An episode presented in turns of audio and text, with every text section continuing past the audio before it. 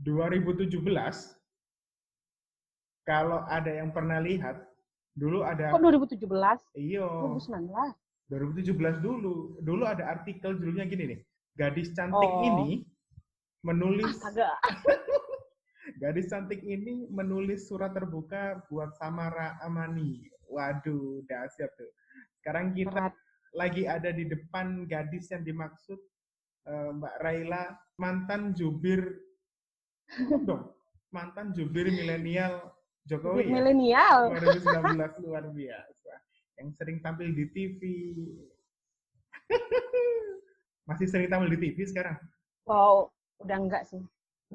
udah enggak Tapi kadang-kadang ada yang ngundang cuma karena eh, aktivitas sekarang ada keterbatasan gerak jadi agak susah sih udah sekarang. Eh, Udah tapi sebelumnya perkenalkan dulu aku temannya Dias. Iya. Dias juga temannya aku. Halo teman-temannya Dias.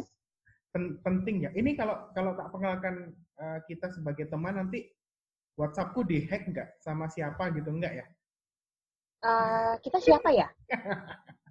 kayak yang lagi Oh, rame itu enggak ya Oke, oke, oke. Enggak.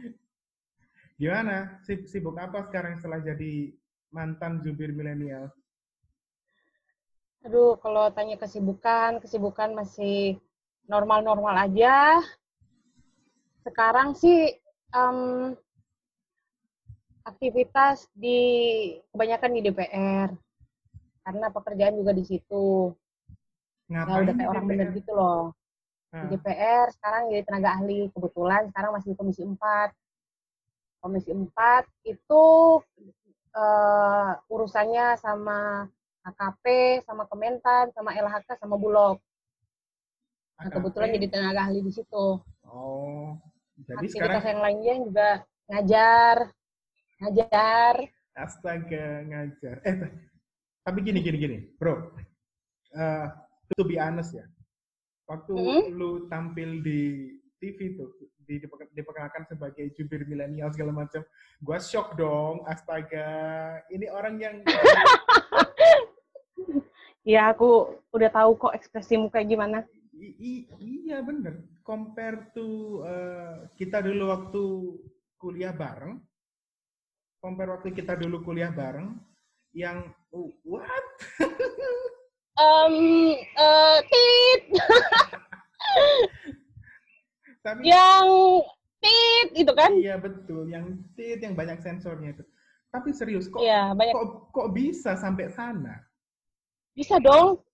I- iya, I know. Aku, aku nggak tanya prosesnya, tapi memang dirimu Kalau terjun ke sana secara penuh ya maksudnya. kebetulan kan itu namanya juga di politik begitu kan dalam tanda kutip nggak perlu yang eh, harus ya serius-serius banget perlu sih cuma karena di milenial dan itu kan relawan Ah, jadi eh kalau di persoalan politik masuk politik itu kan berdasarkan akses nah kebetulan bisa mengakses ke sana Gitu asik. Tapi gini, tapi dari dari lu nya sendiri, gimana dari lu nya sendiri, what Mm-mm. makes you curious about politics? Apa yang apa yang membuat lu dulu awal awal eh, pengen masuk ah ini dunia gua nih, politik nih. kalau awalnya itu sebenarnya ini secara pribadi itu belum sempat tertarik sih dulu masuk di politik maksudnya waktu di di jubirnya atau secara keseluruhan Keseluruhan dulu dari awal dulu deh. aku masuk kontribusi ke politik itu sebenarnya waktu kuliah sih waktu kuliah itu aku tuh udah terlibat di organisasi di kampus Oke. Nah, kebetulan di organisasi kampus itu ada proses-proses politiknya juga. Nah, dengan proses-proses politik itu, dulu tuh aku sempat, dulu tuh memang nggak tertarik sama sekali karena sempat dulu berpikir bahwa, eh ngapain sih aku masuk politik, apalagi image soal politik itu kan, ya tahu sendiri kan, kebanyakan sekarang tuh kayak eh, lihat politik tuh kayak sesuatu yang nggak banget. Gitu ya. ha? Ada sebagian sih, gitu? sebagian Oke. ha. ya sebagian itu kayak nggak tertarik banyak yang bilang politik kotor gue nggak mau nggak mau kotorin tangan gue dengan sama masuk politik tapi waktu itu memang ada ketertarikan sendiri sih. Jadi karena di kampus ada proses pemilihan, kalau nggak salah itu Himaju deh, uh, himpunan mahasiswa jurusan. Aku kan dulu itu jurusan ilmu pemerintahan. Nah, aku tuh disuruh maju jadi calon. Siapa yang nyuruh? Senior. Oh, oke. Okay. Senior senior di kampus katanya coba maju jadi pimpinan himpunan mahasiswa gitu. Himpunan mahasiswa jurusan. Nah, nah kepilih di situ aku ikut. Aku ikut tapi nggak kepilih. Karena nggak ya. serius. oh, oh gitu. Iya. Waktu ya? itu belum serius. Untung aja nggak kepilih ya. Waduh. Waktu itu memang belum serius juga sih karena uh, beneran konsen kuliah. Nah, tapi dalam proses pemilihannya itu aku baru ngerasain oh ternyata asik ya asik ya ikut-ikut kayak begini. Nah, dari situ aku mulai mulai tertarik sih karena gimana ya mau bujuk-bujuk orang menggiring opini publik menggiring supaya mereka suka sama kita e, gimana supaya pandangan orang itu bisa satu visi sama kita itu kita harus cari cara apa pun caranya gitu kemudian dari situ sih tertariknya terus habis itu diajak lagi jadi tim ses ketua senat. Iya. Oh, zaman zaman kuliah dulu nih ya. Iya, ini masih zaman kuliah. Jadi tim ses ketua senat, cuma calonku itu kebetulan pertama kalah. Uh-huh. Yang kedua baru menang. Oh, oke. Okay. Nah, habis itu mulai terjun politik itu ada dosen, dosenku di ini yang langsung politik praktis di lapangan ya. Uh-huh. Dosenku itu sekarang yang udah jadi wakil menteri. Nah, kebetulan itu dia nyalonkan diri jadi anggota DPR RI dari Dapil Sulawesi Utara, jadi Sambuaga. Nah, di situ aku juga jadi koordinator untuk tim milenialnya. Nah, dari situ aku semakin tertarik sih gimana caranya uh, untuk mau ngajak orang sama orang suka sama kita tuh gimana caranya gitu loh. Nah, itu semakin semakin ada halangan semakin tertarik sih. Oh, makin tertantang gitu. Iya, semakin tertantang gitu deh. Oke, okay, oke. Okay. Seperti kayak itu. Kayak ngerjain tesis dulu ya? Nah, kayak ngerjain tesis dulu kan, semakin kita dimarahin, semakin semakin kita dihina, semakin kita Siap, di siapa di, dimarahin uh, dan um, ya, ya, semakin ya. kita tertekan, malah semakin yakin okay. kalau kita bisa. Waduh. Tapi kenapa lulusnya lama dulu ya?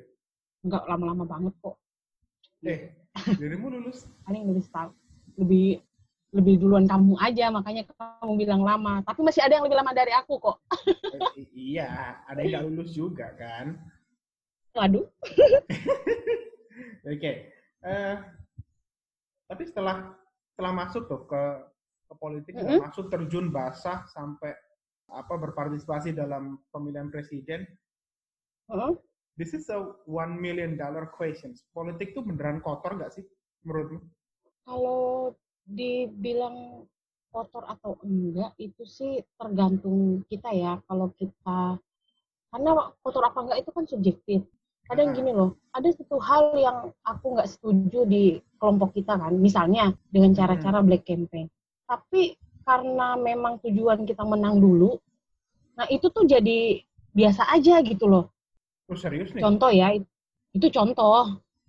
Cuma memang nggak bisa disebutkan juga sih caranya gimana. Cuma memang ada beberapa hal yang waktu itu aku nggak setuju pernah dengan cara itu. Tapi karena memang jalannya seperti itu untuk untuk bagaimana supaya bisa menang, ya gini. Ya, Jadi, bukan ngebiar. Tapi nah. kalau cara aku menolak sih bukan bukan dengan aku caranya untuk menghindari itu aku nggak lakuin gitu. Oh, berarti ini ya. Uh, Misalkan nih ya? kita disuruh makan pedas, tapi karena aku nggak mau, aku juga nggak aku juga nggak ngajakin orang biar eh jangan makan itu pedas. Nah, aku cuma nggak makan aja. Oke, okay. berarti menghindar gitu ya, bikin. Uh, menghindar. Evasive mode, oke okay, oke okay, oke. Okay. Kemudian. Cuma, uh, uh, tapi memang banyak sih orang yang apalagi anak-anak muda ya itu disayangkan banget jadi maksudku tuh gini kalau memang kita menganggap politik itu kotor ya kamu orang baik masuk di politik dong gitu Itu sih prinsipku. Karena aku pikir aku orang baik. Aduh, aduh, Jadi aku yang harus merubah. Mengu- mengubah bro, merubah itu tidak baku. Oh, mengubah. Oke, Iya, baik. Betul. Tapi Kamu I- kayak dosen ya? eh, iya, sekarang sih masih.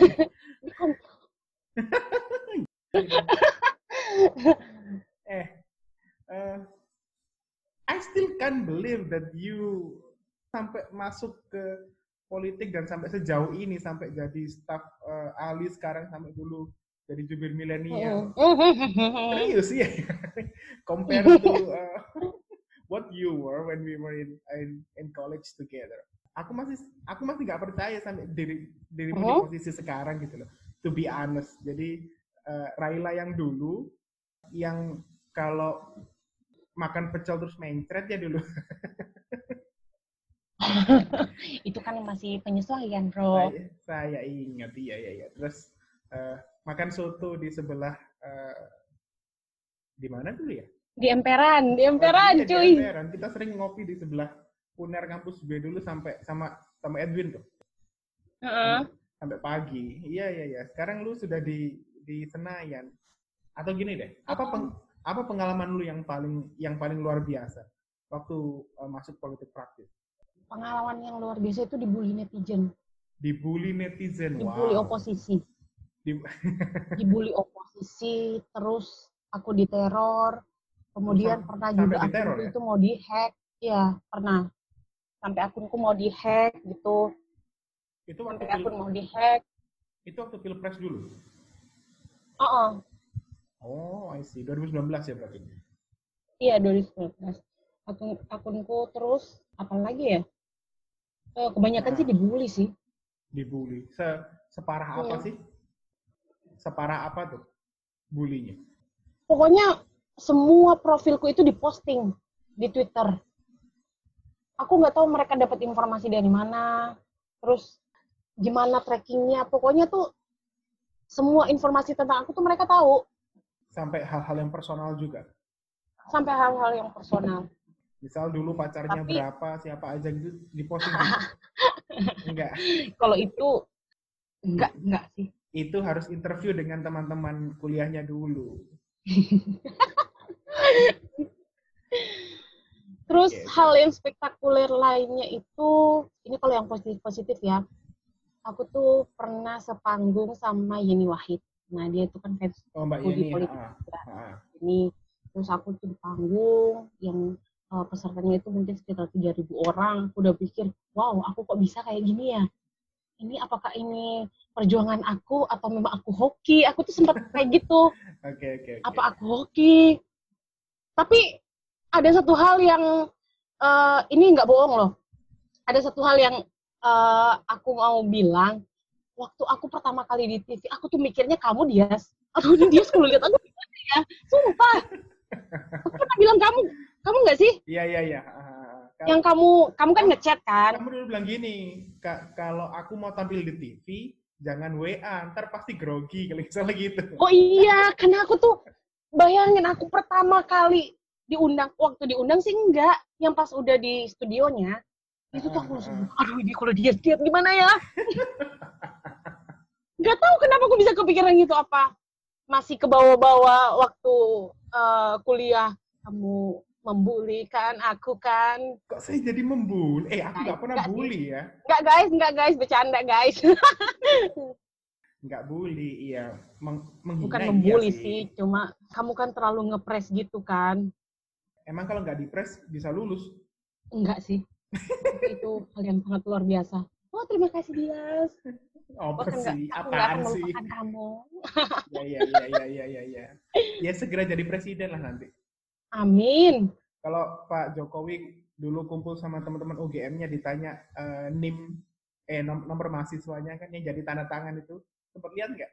Hmm? yang di YouTube. Kalau eh, dirimu nanti jadi presiden, ditanya apa ya? Dulu waktu zaman kuliah mantan yang paling, nah gitu. Ini jadi Iya, ngomongin mantan. paling berkesan apa Ya, ya, ya. Oke, oke, oke, oke. tapi kalau misalkan kalian nih guys mau masuk politik itu uh, jangan ragu-ragu, masuk aja dulu. Kalau memang nggak cocok baru ini sih. Intinya kalau di awal itu jangan berprasangka buruk juga di politik. Kalau misalkan yang memang kamu memang merasa orang baik ya masuklah perbaiki gitu. Tapi gini bro, uh, banyak cerita orang yang kita anggap baik secara track record baik, kemudian masuk ke politik juga kemudian jadi musuh masyarakat. Kemudian Contoh di, Sapsus ya? I, uh, kamu yang bilang ya. ya, itu kan yang lagi hot sekarang juga. Uh, uh, Jadi begitu, begitu, uh, contoh kayak Sapsus itu, ya memang itu resiko sih bro. Jadi contoh gini, kayak uh, ya kita sebut nama aja kan udah udah banyak di publik juga. Hmm. Siapa sih si yang founder Ruang Guru? Uh-uh. Aku, nah, aku baca-baca di internet itu, sumpah kamu keren di tempat asalmu gitu. Jadi uh. Kesannya itu dia masuk jadi kalau bahasaku mitra rezim ya. Jadi mitra rezim itu justru justru ya kayak kamu bilang tadi jadi kayak dalam tanda kutip namanya jadi rusak, opini publiknya jadi jadi nggak bagus. Tapi ya itu udah resiko. Itu udah resiko di politik itu. Contoh misalnya nih, kita masuk di satu partai. Okay. Satu partai yang kebanyakan orang menganggap bahwa partai itu tuh aneh atau ya nggak baik lah. Nggak baik. Ini menurut opini publik ya. Hmm. Tapi mm-hmm. karena udah masuk di situ ya, nah, ya emang udah begitu. eh, kalau kalau enggak enggak gini kalau kalau dari penjelasan hmm? tadi kayaknya ya memang masuk politik itu bakal kotor gitu jadinya. Gimana? Berarti jadi jadi masuk politik itu bak, pasti bakal kotor mau orang baik atau enggak. Jadi jadi kalau memang dikatakan ya memang gitu politik itu berarti memang kotor. Kalau memang orang mau masuk sebaik apa pun hmm? dia pasti bakal berubah jadi kotor. Gitu. Kah? Tanda tanya. Enggak gitu gitu juga sih. Cuma maksudnya begini loh ada kadang cara-cara yang karena uh, misalkan gini, kalau misalkan kita menganggap kotor apa enggak itu kan terlalu subjektif kan ya, cocok kan? Contoh nih kita misalkan uh, bilang bahwa kebijakan A itu, oh itu aku nggak setuju dengan kebijakan A. Terus kita beranggapan oh itu dengan cara-cara kotor seperti itu. Cuma kadang-kadang mungkin mereka menganggap itu sesuatu hal yang biasa. Mm-hmm. Jadi karena anggapan di situ hal yang biasa ya ya biasa aja. Tapi ya gimana ya? Kalau soal politik kotor apa enggak sih sebenarnya itu tergantung orangnya juga sih. Oke. Okay. Ah. Semua kembali ke orangnya. Kalau gitu pertanyaan gini, pengalamanmu ya, ada nggak politisi yang bersih? Dalam arti dia mainnya lurus banget. Mungkin ada sih. Itu sih. Mungkin ada ada kok. Jadi pas aku di DPR aku juga nggak nggak ya anggap anggapanku kayak orang banyak gitu misalnya aduh pasti aku nih nanti berhadapan sama orang-orang politisi-politisi ngehe gitu kan oh, ngehe tuh. aku berhadapan sama ini terus nanti aku dapat bos yang uh, misalkan nih dia mau korupsi terus nyuruh-nyuruh aku gitu tapi ternyata ada kok yang baik yang yang lurus lah gitu ya nggak usah kita sebutin apa nanti dikira aku kampanye lagi paling juga Tapi beneran ada. Paling juga bosmu sendiri yang disebut. Uh, nggak nggak juga sih, ada yang lain juga. Oh. Dan memang benar-benar tulus gitu loh. Oke okay, oke okay, oke. Okay. Tapi kalau misalkan tulus di politik itu gimana sih standarnya? Apa dia nggak korupsi kah? Atau dia memperhatikan rakyat kah? Oke, okay. gini deh, gini deh. Uh, pengalamanmu ya bro. Ada nggak hmm? politisi yang yang sudah masuk di DPR kemudian dia hmm? beneran dia beneran apa memperjuangkan aspirasi rakyat pure cuma di aspek itu aja jadi dia beneran kalau di misalkan di Amerika tuh kita tahu uh, hmm? AOC hmm? ide-idenya ide-ide yang yang sangat uh, iya iya ngerti kan maksudnya? Sangat, ada nggak yang yang ya, yang, yang sangat, tipikal begitu? Ada cuma tetap kepentingan pribadi ada juga. Kenapa suaranya jadi bisik-bisik? kalau nggak tapi tapi memang ada kok ada cuma tetap ada uh, misi pribadinya itu tetap ada. Cuma prioritasnya aja yang beda gitu. Oh, prioritas ada yang prioritasnya ya. memang ke, uh, ke masyarakat ada yang memang prioritasnya untuk diri sendiri itu ada tapi nggak mungkin nggak ada kepentingan pribadi itu nggak mungkin. Gitu ya. Tapi nggak tahu sih yang lain ya. Tinggal adjust apa tinggal ngatur prioritasnya yang mana aja ya berarti. Mm -hmm. oke. Okay. kemudian dirimu kan perempuan tuh. Perempuan kemudian masuk ke DPR aku, uh, gender nih. aku, iya iya ya betul. Aku selalu membayangkan bahwa uh, gimana perlakuan lingkungan sekitar terhadap perempuan yang masuk ke politik? Ah ini sih jujur aja ya memang kalau perempuan tuh ada privilege sendiri di politik serius oh, jadi contoh ya? iya sih ini hmm. kalau menurut pengalaman pribadi ya oke okay, ini contoh kayak mengurus-ngurus apa-apa, oh dia cewek, dia duluan aja. Atau kalau misalkan mengurus-ngurus sesuatu yang uh, dalam artian melobi gitu, biasanya pengalamanku sih biasanya uh, apa ya gimana ya bilangnya? Kayak cewek lebih cepat gitu loh. Oh, lebih cepat. lebih gampang nyampe lebih gitu lebih ya? cepat. Iya. uh -uh. soalnya gini aku contoh ya. Kan ada temanku cowok. Ya iyalah ada teman cowok. Ada pak ada inilah ada kawan lain lah cowok kan. Dia itu masuk di salah satu lembaga.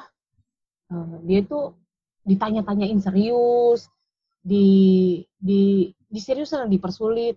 Nah kemudian pas aku sendiri masuk itu ya langsung langsung kayak muda aja. Oh syaratnya kayak gini kayak gini mbak. Mbak nanti ke sini ke sini ke sini ke sini jadi kayak gimana ya?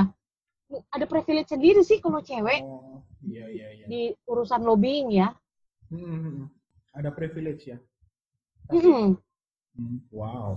Tip, saya memang nggak uh, belum belum begitu banyak ya perempuan yang masuk ke politik ya sekarang iya nggak sih iya belum begitu banyak sih memang belum begitu banyak sih tapi peningkatannya banyak peningkatannya banyak iya betul betul Cuma memang ada partai-partai kan yang belum ada eh kok bahas partai.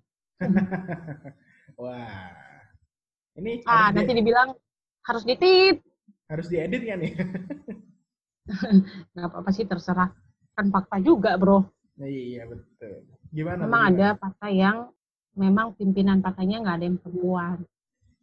Nanti pimpinan dicari aja partai apa ya. Partai, oh, pimpinan partainya ya. laki-laki ya. terus, nah, kan? Laki-laki semua. Laki-laki semua, betul.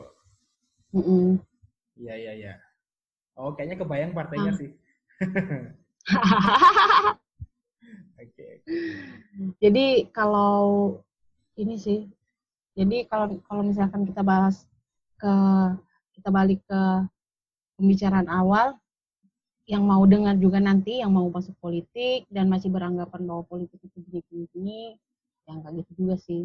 Cuma kalau ada hal lain seperti itu ya, Terus yang penting effect. jangan keikut, iya. Oh, jangan okay. keikut arus yang buruk. Tapi sampai sampai, sampai sini aku masih belum bisa membayangkan bisa nggak orang nggak ngikut arus yang buruk itu tadi? Bisa nggak sih? Maksudku caranya kalau kalau aku pribadi ya caranya aku nggak ikut itu aku nggak melakukan.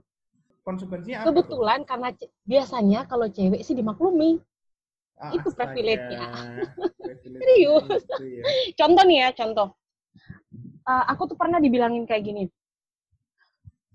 Waktu mau tampil di di satu acara kan, kamu ngomong kayak hmm. gini aja. Ada satu orang yang kamu ngomong kayak gini aja.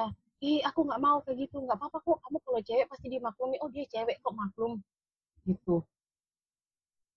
Tapi tetap aku nggak lakuin. Jadi maksudnya kebayang nggak sih maksudku? Iya, iya, kayak iya. kalau perempuan di politik kalau salah itu dimaklumi.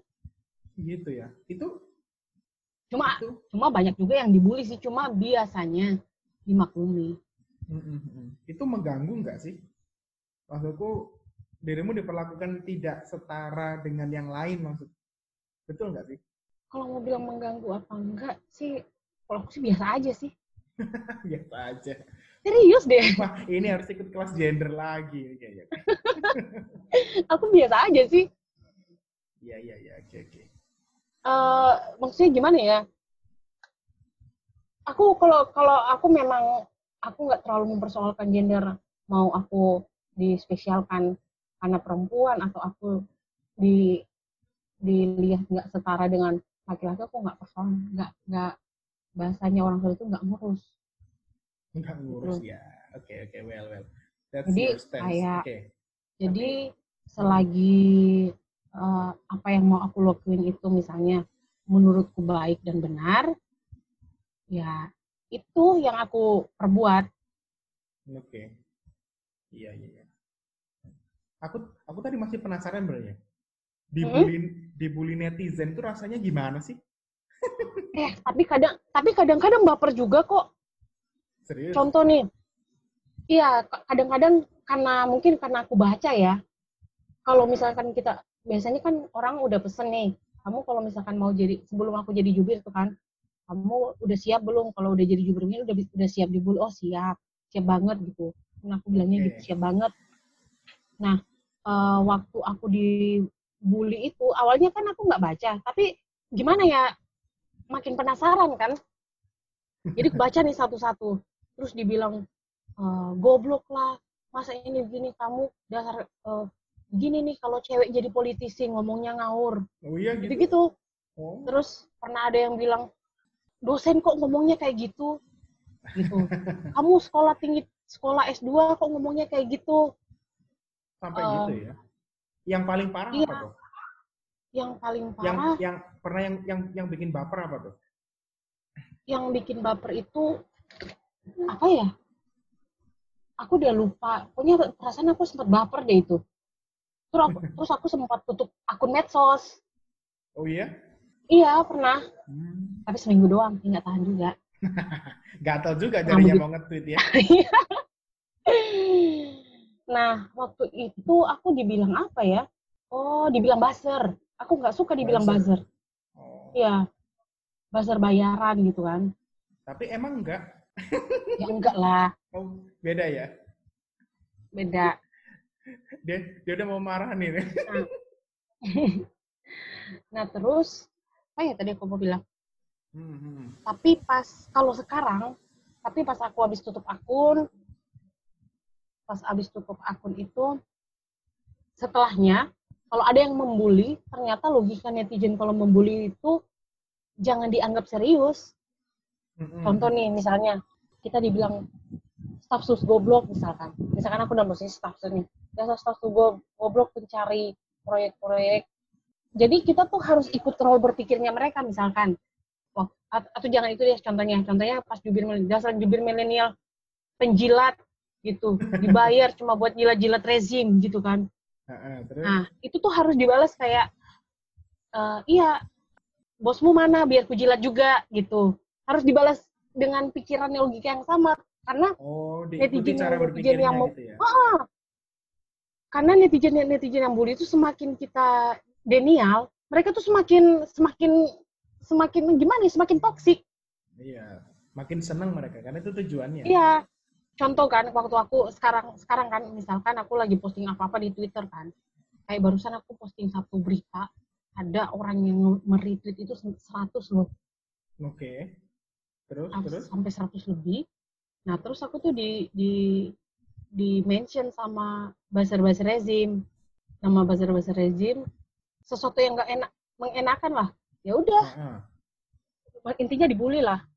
Loh, bentar. dibully. Yang yang membuli dirimu justru buzzer raising. Iya sih, karena karena aku posting berita yang Oh, yang yang agak miring soal uh, yang eh, menyerang agak rezim. miring. Oke, oke, oke. Iya. Loh, Terus sebentar jadi aku diserang. masih jubir milenial rezim kan nih? Eh, jubir milenial Jokowi kan nih? Aduh, pokoknya berat deh netizen. Jadi waktu dia bilang, kamu buzzer ya? Terus aku jawabnya kayak gini, kamu ngapain sih cari-cari cari perhatian ya? Gitu. Ya kayak kayak gitu deh. Kalau kalau mau hadapin netizen-netizen yang toksik karena dibully. Oke. Karena kan contoh nih, contoh eh, kita ngobrol ngobrolin milenial kan ini contoh status milenial menurutku sih mereka belum tahan banting soal pembulian-pembulian publik kayak gitu sih. Iya, iya, iya. Jadi karena memang karena nggak kuat mundur kan. Harusnya kayak gitu tuh hadapi, hadapi karena secara secara kualitas itu kan mereka berdua tuh kan orang yang yang kalau bisa dibilang kan berkualitas banget Ah, kan. yang profesional ya. CEO, Mm, profesional. Sayang banget kan kalau orang-orang kayak gitu lepas dari pemerintahan kita. Cuma memang ada cara-cara mereka yang salah mungkin. Jadi evaluasi lah. Cuma kalau dibully, tapi gimana ya emosi netizen kan nggak ya. Ya, iya, iya, iya. Ha, kadang-kadang opini publik itu kan nggak nggak ada polanya gitu acak aja kan. nggak ada polanya juga. Ya mereka tuh cuma meluapkan emosi udah. Semakin mundur ya semakin mereka berhasil kan. Harusnya sih gitu. Kita ngobrol yang santai-santai aja ya jangan jangan minta pendapat analisis. Nanti aja tuh ya untuk episode episode iya nanti aja. Ini kan kita masih uh, berkenalan. Kenalan aja. Kenalan masih pembukaan pembukaan uh, gitu. gini gini di rumah kan sekarang jadi staf ahli uh, di komisi tenaga ya? ahli tenaga, oh, tenaga ahli, ahli. Bukan staf ahli, beda. ya oh beda ya oh be bedanya iya. kalau staf ahli kalau satunya administratif kalau satunya memang think tank staf ahli itu yang think tank staf ahli itu bagian administratif oh administratif mm. oh gitu tenaga ahli itu uh, yang think tank iya oh dirimu masuk yang yang tenaga ahli ya berarti Iya. Ya kenapa pakai ketawa? ya, impress, impress ya. Saya tenaga ahli. Saya, saya tenaga ahli, guys. Saya temannya dia tenaga ahli. Saya temannya dia sih ya, tenaga ahli sekarang. Oh, Temenan sama aku terus ya. Temenan ya, terus ya. Iya, iya, iya. Kemudian tugas eh, fungsi dari tenaga ahli itu ngapain sih? Uh, yaitu nyiapkan bahan. Misalkan ya, kayak benar. mau Asdos rapat dong. dengar pendapat. Hmm? asdos dong. Iya semacam itu sih. Sama aja. Jadi contoh nih mau RDP rapat rapat dengar pendapat kan. Hmm. misalkan ya materinya tentang kesiapan pangan corona gitu. Nah kita tuh siapkan bahan materi untuk rapat. Oh gini gini gini. Nah itu atau gini deh apakah tenaga, tenaga ahli seperti dirimu itu uh, juga bisa mempengaruhi keputusan. Artinya apakah pendapatnya itu bakal masuk jadi pendapat yang disampaikan hmm? di rapat juga? Hmm, kalau itu tergantung sih. Kalau itu tergantung orangnya sih. Misalkan orangnya merasa bahwa ini bisa disampaikan, ya nanti disampaikan. Tapi kalau misalkan enggak, ya enggak juga. Tapi ini kok maksudnya nggak semua yang yang materi itu disampaikan enggak enggak juga. Brainstorming gitu ya sifatnya ya? Uh, brainstorming. Oh, tapi kalau kalau keputusan kadang-kadang kalau ditanya gimana nih kalau misalkan uh, ada kebijakan kayak gini kita setuju apa enggak? Anggarannya gimana? Kan biasanya kan kementerian kan ngasih bahan nih anggaran. Ini anggarannya hmm. gimana? Misalkan setuju aja ini masuk akal kok. Ya kadang-kadang tiba-tiba bilang nggak setuju subjektif juga Oh, dan okay, ikut okay. keputusan partai. Ikut keputusan partai. Mm -mm. Oh. Kadang ya intinya kan kita cuma brainstorming aja sih. Itu uh, berarti masuk struktural enggak? Enggak ya? Itu memang di hire oleh oleh yang menjabat anggota DPR-nya. Iya, uh, uh, hire pejabat dan ada partai juga. Biasanya ada juga yang partai, ada yang juga yang dari personal. personal personal. Uh -uh. Lagi sibuk apa nih di DPR? Kalau di DPR sekarang itu lagi bahas soal uh, minggu lalu itu baru baru selesai pengesahan anggaran, perubahan anggaran karena pandemi. Kalau oh. sekarang itu di Kementan masih bahas tentang kesiapan pangan. Mm -hmm. Kesiapan pangan sama uh, tapi kebanyakan sih masih anggaran sih re, re, refocusing refocusing anggaran refocusing anggaran bahasanya ya? iya oke okay. tapi yang berarti. paling tapi yang rame itu ya hmm. RUU Cipta Kerja Waduh. di episode berikutnya. Episode berikutnya. Cekidat, cekidat. Oke, oke. Ini kayaknya dibikin rutin asik nih kayaknya nih. Ngobrol bareng. Yoi kita kan bikin per episode episode gitu. Oh gitu Jadi, ya. Uh, yang uh, pen, yang penting Anda udah pede sibuk. banget mau diundang ya. yang penting Anda tidak sibuk. Saya kan oh, waktunya tidak. lebih fleksibel. Iya, iya, iya, iya. Oke, oke, oke. Intinya misalkan nih, misalkan misalkan setiap minggu kita buat kayak gini, uh, perkembangan apa pun yang di DPR tuh bisa kok aku share. Begitu oh, ya? Ke teman-teman. Tapi cuma seputar komisi 4 ya. Kalau komisi lain mungkin aku bisa secara umum aja, tapi kalau mendetail aku nggak nggak nggak punya cukup banyak tenaga untuk cari tahu ke sana kemari. Ya, oke oke. Berarti memang eh Komisi 4 tadi ngurusi soal apa aja tadi? Sorry. Komisi 4 itu eh, Kementerian Perikanan Kelautan, Kementerian Pertanian, Kementerian Lingkungan Hidup, sama Bulog. Oh, berarti soal ketahanan pangan begitu-gitu di sana semua ya? Iya. Hmm, nice ya sih. Menarik tuh, menarik, asik asik. Nah, kita semua butuh Iya. makan. Kita semua butuh makan. Tapi dipotong anggarannya. Iya kan lagi darurat bro.